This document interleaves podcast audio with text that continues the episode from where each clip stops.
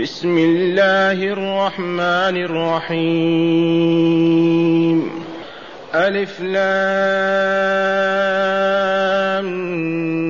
ميم صاد.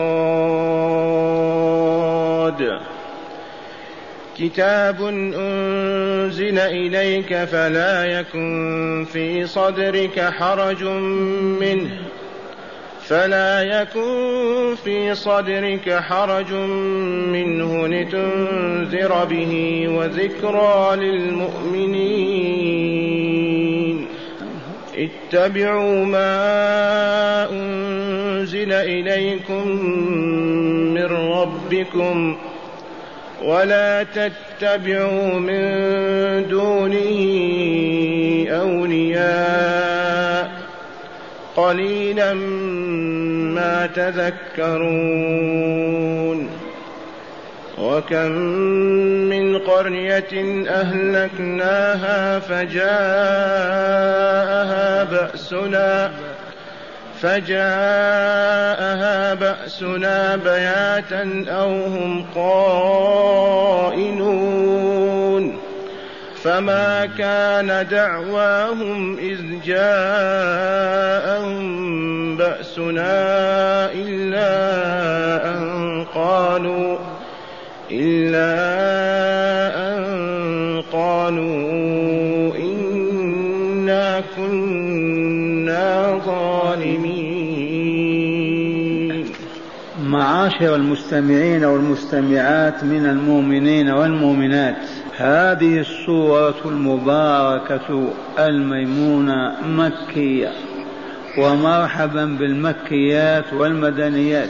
ولنعد أو ولنرجع بأذهاننا إلى أن المكيات يعالجن العقيدة وموادها أو قواعدها الأربعة التوحيد إثبات النبوة لرسول الله صلى الله عليه وسلم تقرير البعث والجزاء في الدار الآخرة التشريع ببيان ما يحب الله وما يكره الله عز وجل. هذه السورة آياتها خمس ومئتا آية مئتان وخمس آيات. كم آية هذه السورة؟ مئتان وخمس آيات. هل تدرون ما الآية أو نسيتم؟ إنها العلامة. فكل آية هي علامة على وجود الله ربا وإلها لا رب غيره ولا إله سواه. وهي علامة عظيمة على أن محمد بن عبد الله الأمي رسول الله صلى الله عليه وسلم.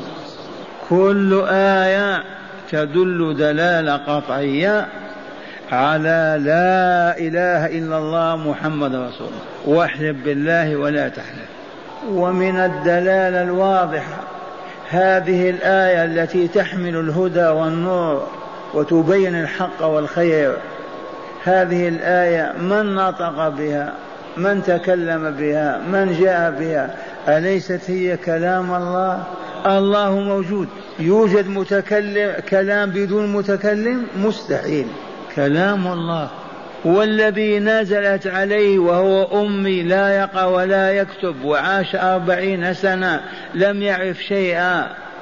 ثم تنزل عليه الآية ولا يكون رسول الله مستحيل أن يكون غير رسول الله. دلالة عقلية. هذه الآيات مفتتحة بقول الله تعالى بسم الله الرحمن الرحيم. والعلم الذي علم علمناه جميعا أن افتتاح الصور ببسم الله الرحمن الرحيم سنة القرآن. ليست بسم الله الرحمن الرحيم بآية من السورة إلا من سورة النمل. ففيها بسم الله الرحمن الرحيم وهي والله آية معدودة من آيات سورة النمل. ما عدا ذلك هي من باب افتتاح الصورة لتلاوتها ببسم الله الرحمن الرحيم. وإنما الخلاف في بسم الله الرحمن الرحيم من سورة الحمد لله رب العالمين. من سورة الفاتحة الخلاف بين الأئمة فذهب الإمام الشافعي رحمه الله إلى أنها آية من سورة الفاتحة. وعليه من لم يقرأ بها صلاته باطلة. الجمهور كمالك وأحمد وأبي حنيفة ومن إليهم يقولون ليست بآية. وآيات الفاتحة سبع آيات.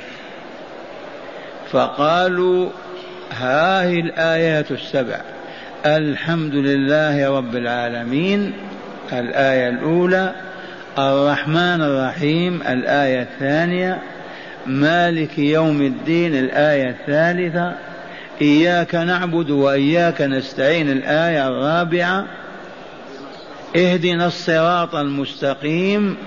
الآية السادسة الخامسة صراط الذين أنعمت عليهم السادسة غير المغضوب عليهم ولا الضالين الآية السابعة. الإمام الشافعي يجعل صراط الذين أنعمت عليهم غير المغضوب عليهم ولا الضالين هي الآية السابعة. آيتين جمعهما وقال هما آية واحدة. وبسم الله الرحمن الرحيم الآية الأولى. عرفتم؟ لو كان الرسول صلى الله عليه وسلم موجودا بينهم لتحاكموا إليه وفصل بينهم. لكن هذا تم بعد وفاة الرسول صلى الله عليه وسلم ووفاة أصحابه. فما المخرج؟ المخرج أن لا تقول أنا شافعي. ولا تقول أنا مالكي قل أنا مسلم. انتبهتم؟ فمن باب الاحتياط أنني ما دام قال إمام أنها آية أنا لا أترك قراءتها. فكلما قرأت الحمد لله رب العالمين أفتتحها ببسم الله الرحمن الرحيم لأنها مكتوبة معها في المصحف. ومع كل الصور إلا التوبة. براءة ما فيها بسم الله الرحمن الرحيم لأنها إعلان حرب. يبقى السنة بينت أن الرسول صلى الله عليه وسلم وأبا بكر وعمر ما كانوا يفتتحون بسم الله الرحمن الرحيم في الفاتحة. إذ قال أنس بن مالك صليت وراء رسول الله. ووراء أبي بكر وعمر فكانوا يفتتحون الصلاة الحمد لله رب العالمين. إذا فوفق الله أولي النهى والبصائر إلى أن قالوا إذا كانوا يسرون بسم الله الرحمن الرحيم ولا يجهرون بها ليعلموا أنها ليست آية من الفاتحة ولكنهم يبسملون سرا. يفتتح صلاته الله أكبر ويبسمل سرا ثم يقول الحمد لله رب العالمين. وهكذا تسمعون أئمتكم في المسجد. العالمين يبسمل سرا ثم يجهر بالقراءة. وهذا الذي عليه أكثر أهل العلم والبصائر والنهى جمعا بين الروايات وأخذا بالأحوط لدينهم. هل في هذا عسر أو مشقة؟ تبسمل في نفسك ثم تجهر الحمد لله رب العالمين الرحمن الرحيم. هذا في الصلاة الجهرية كالمغرب والعشاء والصبح. أما السرية فلا خلاف. أليس الأحوط أنك تقول بسم الله الرحمن الرحيم؟ أليس المكتوبة أما بلغك أن هناك من يقول آية؟ وسبب الخلاف في كونها آية أو غير آية أنها نزلت مرتين. الفاتحة نزلت على رسول الله صلى الله عليه وسلم مرتين. مرة في مكة ومرة في المدينة. فنزلت مرة مع بسم الله الرحمن الرحيم ومر بدونها. ومن ثم اجتمعت القلوب. هل فقهتم هذه القضية؟ خلاصتها ألا تقول أنا شافعي ولهذا أبسمل. ولا تقول أنا مالك لهذا لا أبسمل. إياك أن تقف هذا الموقف. قل أنا مسلم. أطيعوا الله والرسول صلى الله عليه وسلم. فلهذا اختلف العلماء فأنا أبسمل احتياطا لديني ولعلم أن الله افتتح صور كتابه كلها ببسم الله الرحمن الرحيم. إلا سورة واحدة وهي سورة التوبة مفتتحة براءة من الله ورسوله إعلان حرب. ما فيها بسم الله الرحمن الرحيم. ونحن إخوان على مائدة الكتاب والسنة. لا نفر ولا نزاع ولا صراع فقط كلمة أنا حنفي مالكي حنبلي أباضي زيدي ما عندنا هذه. ليست من الإسلام. أنا مسلم. قل إن صلاتي ونسكي ومحياي ومماتي لله رب العالمين لا شريك له وبذلك أمرت وأنا أول المسلمين. فقهتم هذه إن شاء الله. إذا صليت إماما بالناس بسمل سرا واجهر بالفاتحة بدون ما تجهر بالبسملة. وإن صليت وراء من يتعصب للمذهب وجهر لا تلمه شأنه. والآن مع ألف لام ميم صاد. هذه تسمى بالحروف المقطعة.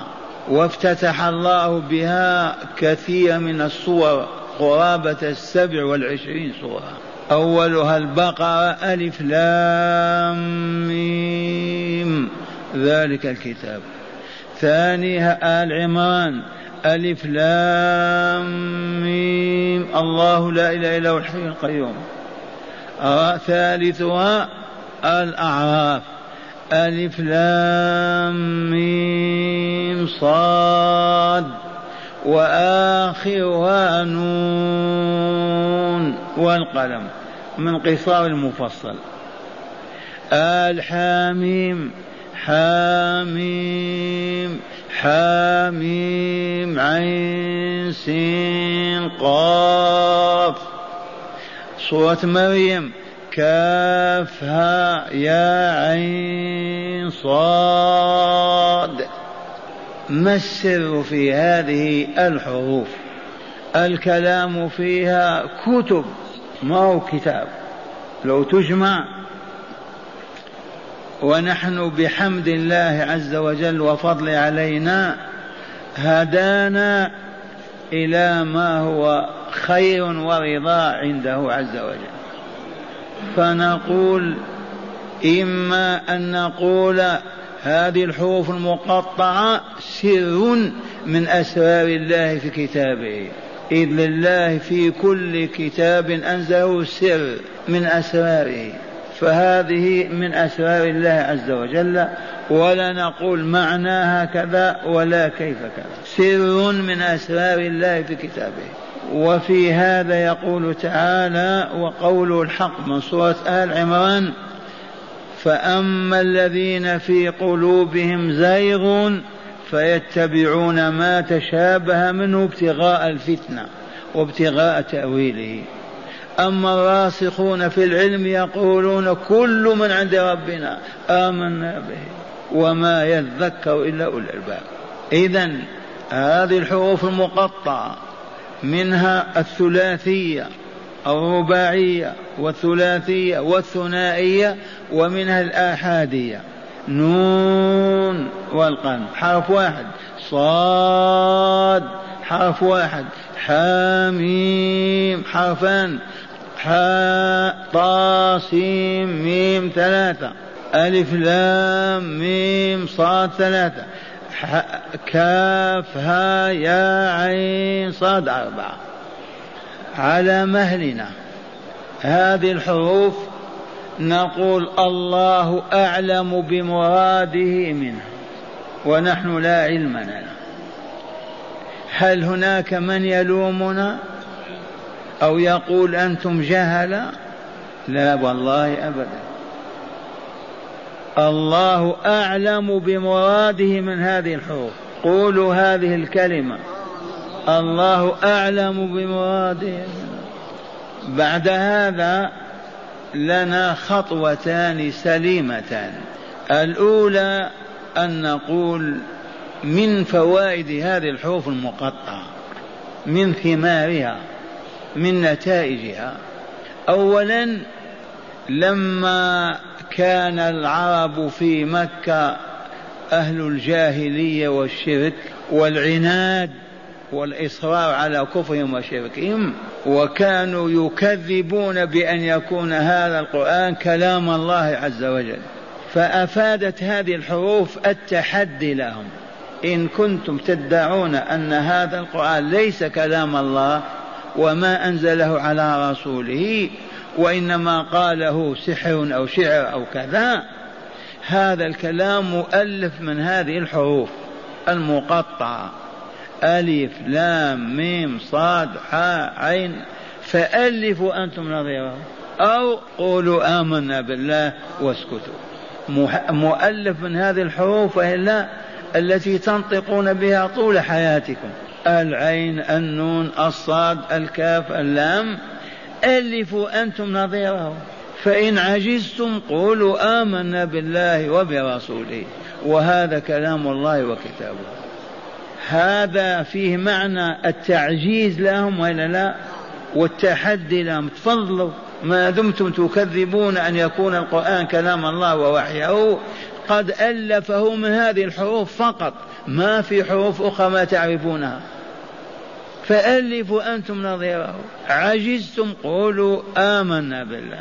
فهذه فائدة أو ثمر من ثمار هذه الحروف ولا شك فيها. الثمرة الثانية أنهم كانوا لا يسمحون لأولادهم أو نسائهم أو عبيدهم أن يصغوا ويستمعوا إلى قراءة القرآن. بل كانوا يغلقون آذانهم بأصابعهم. ومن وجدوه يسمع قراءة القرآن من أبي بكر الصديق أو من رسول الله صلى الله عليه وسلم أو من بلال من تلك الزمرة المؤمنة يؤدبونه إذا فلما حاولوا منع الناس من سماعه جاءت هذه الحروف التي ما ألفوا هذا الصوت ولا هذا النغم قط. فإذا سمعوا القارئ يقرأ ألف لام ميم صاد يضطر أحدهم إلى أن يسمع. ما هذا الصوت؟ فإذا أصغى يسمع تلك آيات كتابه ذلك كتابه. فأفادت هذه الحروف أنها فتحت أذهان كانت لا تسمع وآذان كانت مغلقة. فهذه الثمرة والأولى تحققت. إذا فخلاصة القول أننا نقول الله أعلم بمراد من هذه الحروف سر من أسراره في كتابه. آمنا بالله وبما أنزل. من ثمارها وقد يكون كثيرا أولا لما كانوا يقولون هذا سحر وهذا شعر وليس بكلام الله جاءت هذه الحروف تتحداهم وتقول تفضلوا ألفوا أنتم منها كلاما كما هو القرآن. فعجزوا. فدل على أنه كلام الله. ثانيا لما كانوا يحاولون أن لا يسمعوا ولا يسمحوا لأحد أن يسمع اضطروا إذا سمعوا هذا النغم هذا الصوت إلى أن يسمعوا. فإذا ألقوا بآذان يسمعون بعد ذلك مباشرة القرآن صاد. والقرآن ذي الذكر. حاميم. والكتاب المبين. هذا ما ينبغي أن نلم به ونعرفه. يا أهل القرآن وسواء كنا عوام أو كنا طلبة هذا شأن المؤمنين. قال تعالى ألف لام صاد. هل هذا مبتدأ والخبر كتاب أنزل إليك حال أو نقول ألف لام ميم صاد. الله أعلم بمراده به. كتاب أي القرآن الكريم ونكر للتفخيم والتعظيم. كتاب عظيم جليل. إي والله. لا أجل منه ولا أعظم من كتب الخلق. بل أعظم كتاب من كتب الله عز وجل. القرآن الكريم والكتاب بمعنى المكتوب الذي يكتب. والناس بالفطر يعرفون الكتاب ما كتب فيه وما بين من أخبار أو أحكام أو شرائع. والمراد به القرآن العظيم. وقوله أنزلناه إليك وقوله أنزل إليك. المقام تطلب الإيجاز لأنه لا لأنه لما قال ألف لام ميم صاد جعلهم يضطرون إلى أن يعلموا أن هذا ليس بكلام محمد ولا من عنده بل هذا منزل من قبل الله عز وجل. أنزل إليك. والكاف في إليك المراد من هذا؟ رسول الله. هل يشك عاقل في هذا؟ من أنزله سوى الله تعالى؟ الله منزله. أنزل إليك يا رسول الله محمد صلى الله عليه وسلم. إذا فلا يكن في صدرك حرج منه لتنذر به وذكرى للمؤمنين. ما الحرج؟ الضيق التألم والرسول بشر وكان سيد البشر. لكن كونه يحمل الهداية إلى الخلق وهم ضلال يدعوهم إلى أن يؤمنوا بأن لا إله إلا الله وفي كل بيت إله يعبد. أجيال قرون والعرب يشركون بالله ويعبدون الأصنام والأوثان فيواجههم بأنكم كلكم على باطل وكلكم ضال وكلكم مشرك وكافر. من يطيق هذا؟ جرب أنت فقط وسط بيتك وانهى عن شيء اعتادوه أو ألفوه. وانظر كيف تواجه. وانظر هل تجد حرج في نفسك وضيق أو ألم أو لا تجد. فالله عز وجل يقول لرسوله لا ينبغي أن يكون في صدرك حرج. وسع صدرك رحبه اشرحه. وقد شرح الله صدره وامتن عليه بذلك في قوله ألم نشرح لك صدرك؟ بلى شرحه. لولا أن الله شرح صدره ما يطيق فأصبح يأتي إلى أسواق العرب وقد تجمعوا من كل جهة ويدعوهم إلى أنه لا إله إلا الله وأنه رسول الله إليهم. ولا تسأل ماذا يقولون وكيف يضحكون ويسخرون لو أصيب به هذا واحد منا يترك الإسلام.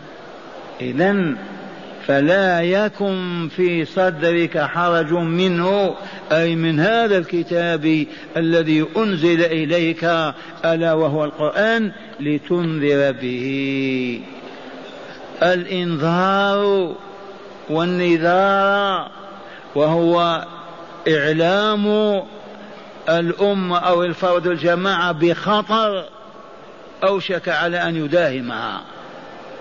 نعم المشركون أمامهم خطر عظيم خزي الدنيا وعذاب الآخرة شقاوة الدنيا وفساد وخرابها وعذاب الآخرة.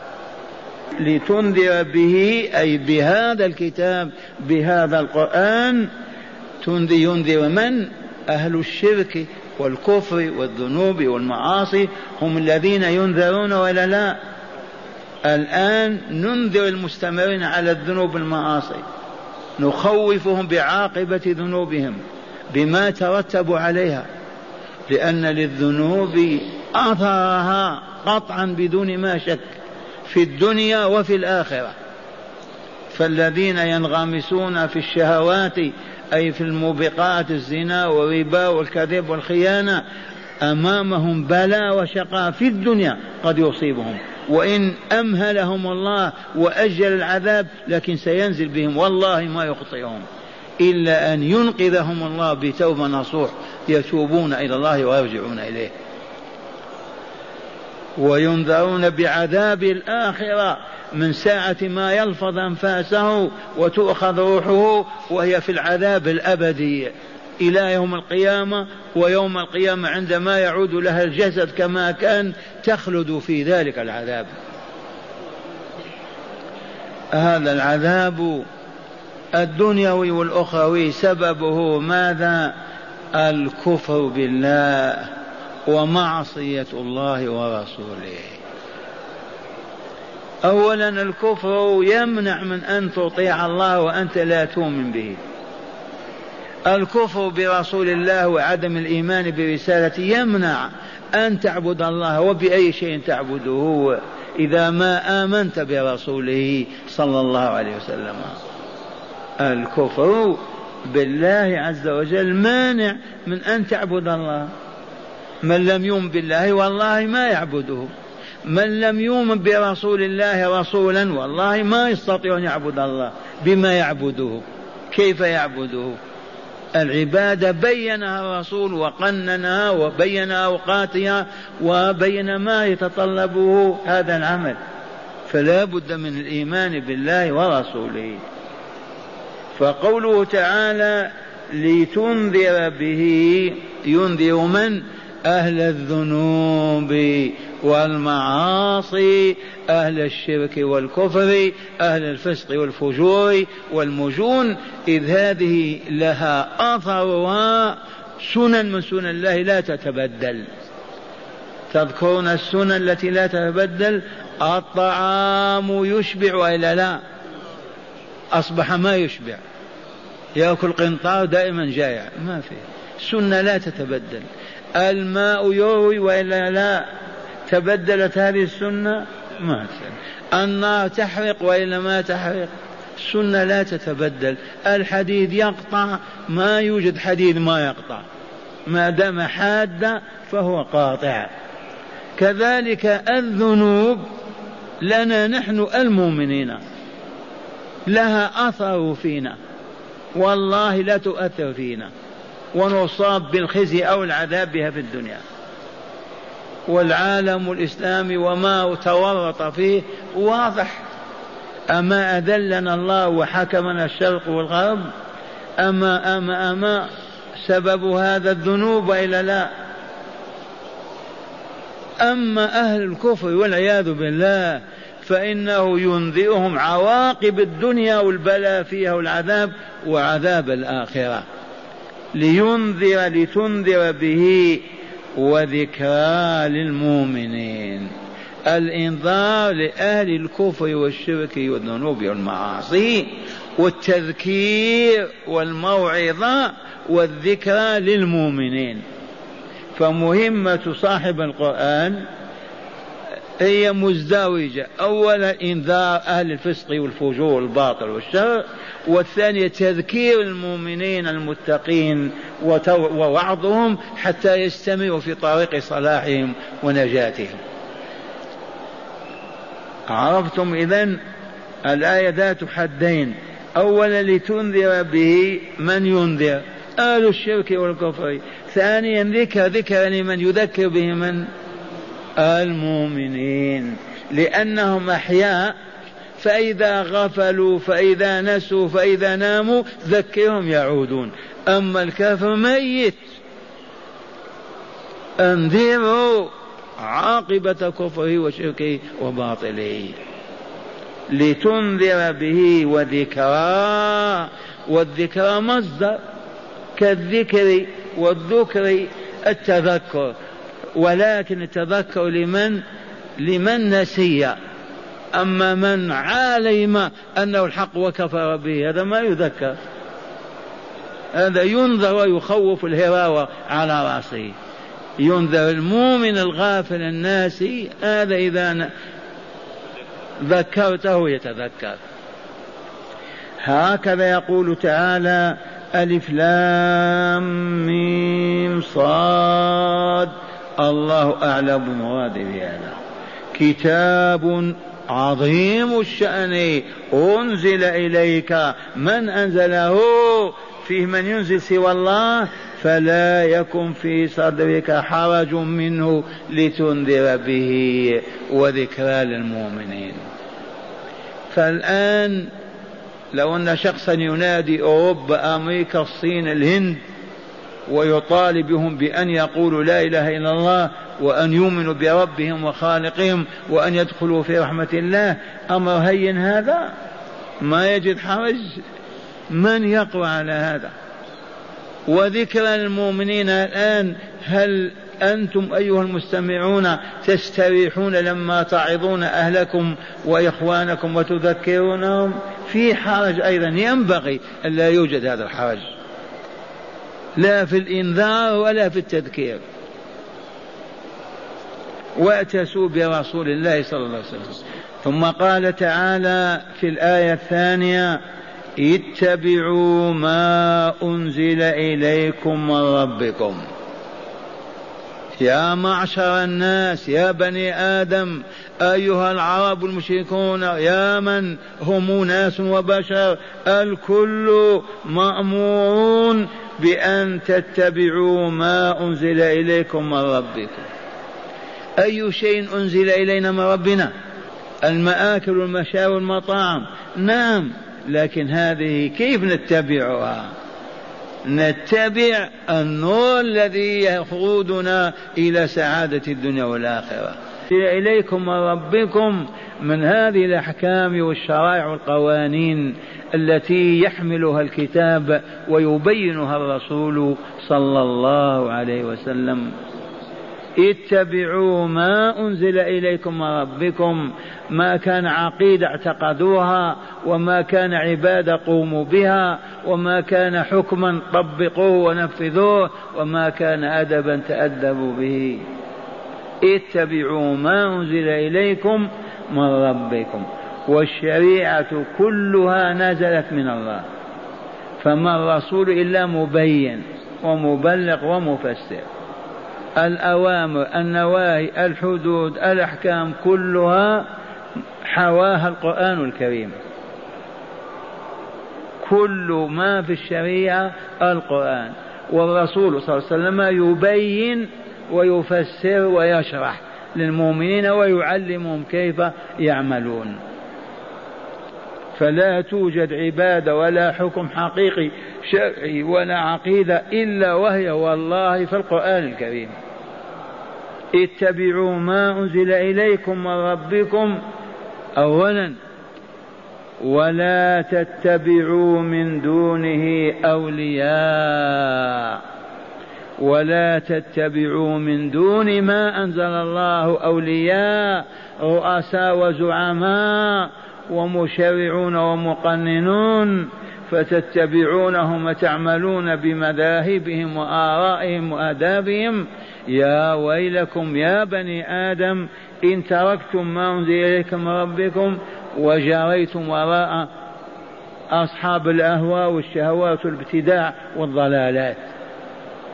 هذه الآية عامة ولا تتبعوا من دون القرآن أولياء. قال أهل العلم كل مذهب أتباعه أولياء لبعضهم البعض. أولياؤك أهل مذهبك. عرفتم؟ النصراني من أولياؤه؟ أهل مذهبه. اليهودي من أولياؤه؟ أهل اليهودية المشرك من أولياؤه أهل الشرك. هم أولياء لأنهم يتولون التوجيه والإرشاد والدعوة إلى باطلهم. علماء أهل الكتاب ما يدعون إلى التمسك بدينهم. هم أولياؤهم وإلا لا.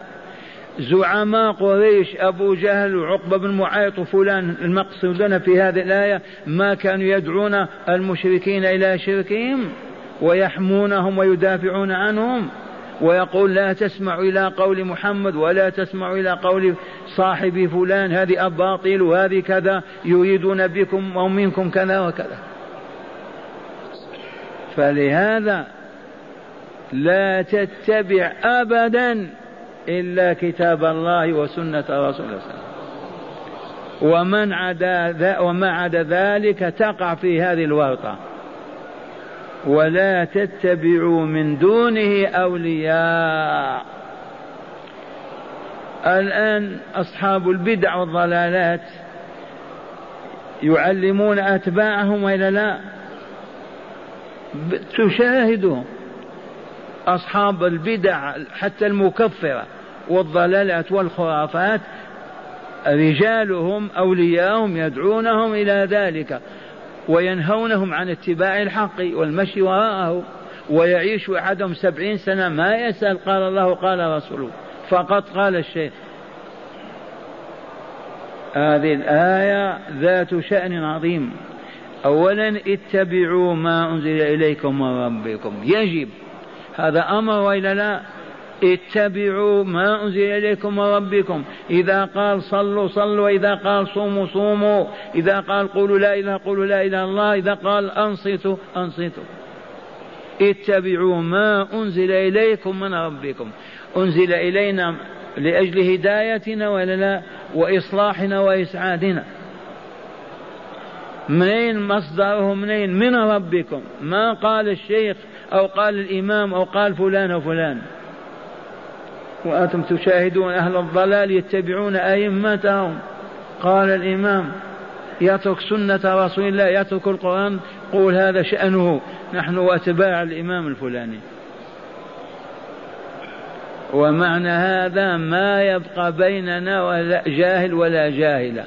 الكل يريد ويصدر عن الكتاب والسنة. قل لي قال الله أسمعني كلام الله. قال رسول الله صلى الله عليه وسلم أسمعني كلام رسول الله. فإن كان أمرا فعلت وإن كان نهيا تركت. أما قال الشيخ الفلاني قال إمامنا قال قائدنا فهذا هذه الآية أبطلت هذا إبطالا كاملا. اسمع اتبعوا ما أنزل إليكم من ربكم ولا تتبعوا من دونه أولياء. الأولياء جمع ولي وإلى من يتولى الأمر بالدعاية إليه وتبيينه وتوضيحه للناس وحمل الناس عليه هذا هو الولي. ثم قال تعالى قليلا ما تذكرون. هذا يتناول مشركي قريش والعرب. والآيات نزلت فيهم وإلا لا؟ قليلا ما تذكرون. ويتناول البشرية كلها. والله لقليلا ما يتذكرون أي ما يتعظون ويقبلون دعوة الله. وابدأ الآن في أي بلد في أي العالم. تجد القليل فقط يتذكر والأكثر كلها لا تقبل موعظة ولا ذكرى. فالآية عامة إلى يوم القيامة. قليلا أيها الناس أبيضكم وأسودكم ما تتعظون. قم اخطب في باريس في حفل كم واحد يستجيب. اخطب في بلاد المسلمين تغير منكر من المناكر انظر كم يستجاب لك. كم يبكي منكم ويترك المعصية. سنة الله عز وجل قليلا ما تذكرون أي تتذكرون فتتعظون وتبكون وتقلعون عن الشرك والمعاصي والذنوب. هذا إخبار من؟ الله عز وجل. ثم قال تعالى وكم من قرية أهلكناها. كم وكم وكم للتكثير يا بني. وكم من قرية ألاحظ أذكر أن المراد من القرية الحاضرة المدينة الكبرى العاصمة. دعوا الاصطلاح الجغرافي النصراني. أصبح الناس يعرفون القرية المساكن القليلة. القرية في عرف القرآن العاصمة الحاضرة المدينة. ويكفي قول الله تعالى لتنذر أم القرى من هي أم المدن؟ مكة وإلا لا؟ إذا وكم من قرية أهلكناها فجاءها بأسنا بياتا أو هم قائلون. أهلكنا أردنا إهلاكها فجاءها بأسنا أي عذابنا بياتا أي ليلا. أو هم نائمون أي نهارا ما قيلون أو قائلون؟ كم وكم؟ الجنوب أين إرم ذات العماد التي لم يخلق مثلها في البلاد؟ وإلى اليوم لا يمكن أن تبنى تلك المباني لأن أجسامهم كانت طويلة. الشمال أين مدائن صالح تلك التي كانت قصور في الجبال. غرب أين فرعون وملكه وسلطانه؟ وهكذا كم وكم. ولا ننسى أن عواصم وأمم منذ آدم اليوم كلها دمر الله وأهلكها ما هي محصورة أبدا ولا تعد. وكم من قرية أهلكناها فجاءها بأسنا بياتا أي ليلا أو هم قائلون. قال يقيل إذا نام في, في وقت القيلولة. أي ليلا أو نهارا. فما كان دعواهم إذ جاءهم بأسنا ماذا قالوا؟ لا إله إلا الله نتوب إلى الله نستغفر الله. ما كان دعواهم إلا أن قالوا إنا كنا ظالمين. ثم لو قالوا آمنا بالله واستغفرنا ورفع العذاب عنا ما يستجاب لهم. دقت الساعة ساعة الهلاك. لكن واقعهم هو إنا كنا ظالمين هذا جزاؤنا. عندما تحل بهم النقمة وينزل العذاب يعترفون بذنوبهم. هل ينفعهم ذلك شيء؟ ما ينفع لأنها ساعة الهلاك والدمار. هذا معنى قوله تعالى فما كان دعواهم إذ جاءهم بأسنا إلا أن قالوا إنا كنا ظالمين ظلموا من؟ ظلموا ربهم. ما شكروه على إنعامه وعلى إيجادهم وخلقهم وإطعامهم ظلموا أنفسهم وسخوها ولطخوها بالذنوب والأرض ظلموا غيرهم فهم ظالمون والظلم صفة لهم. عرفوا أنهم ما كانوا على الحق بل كانوا على باطل فهم ظالمون.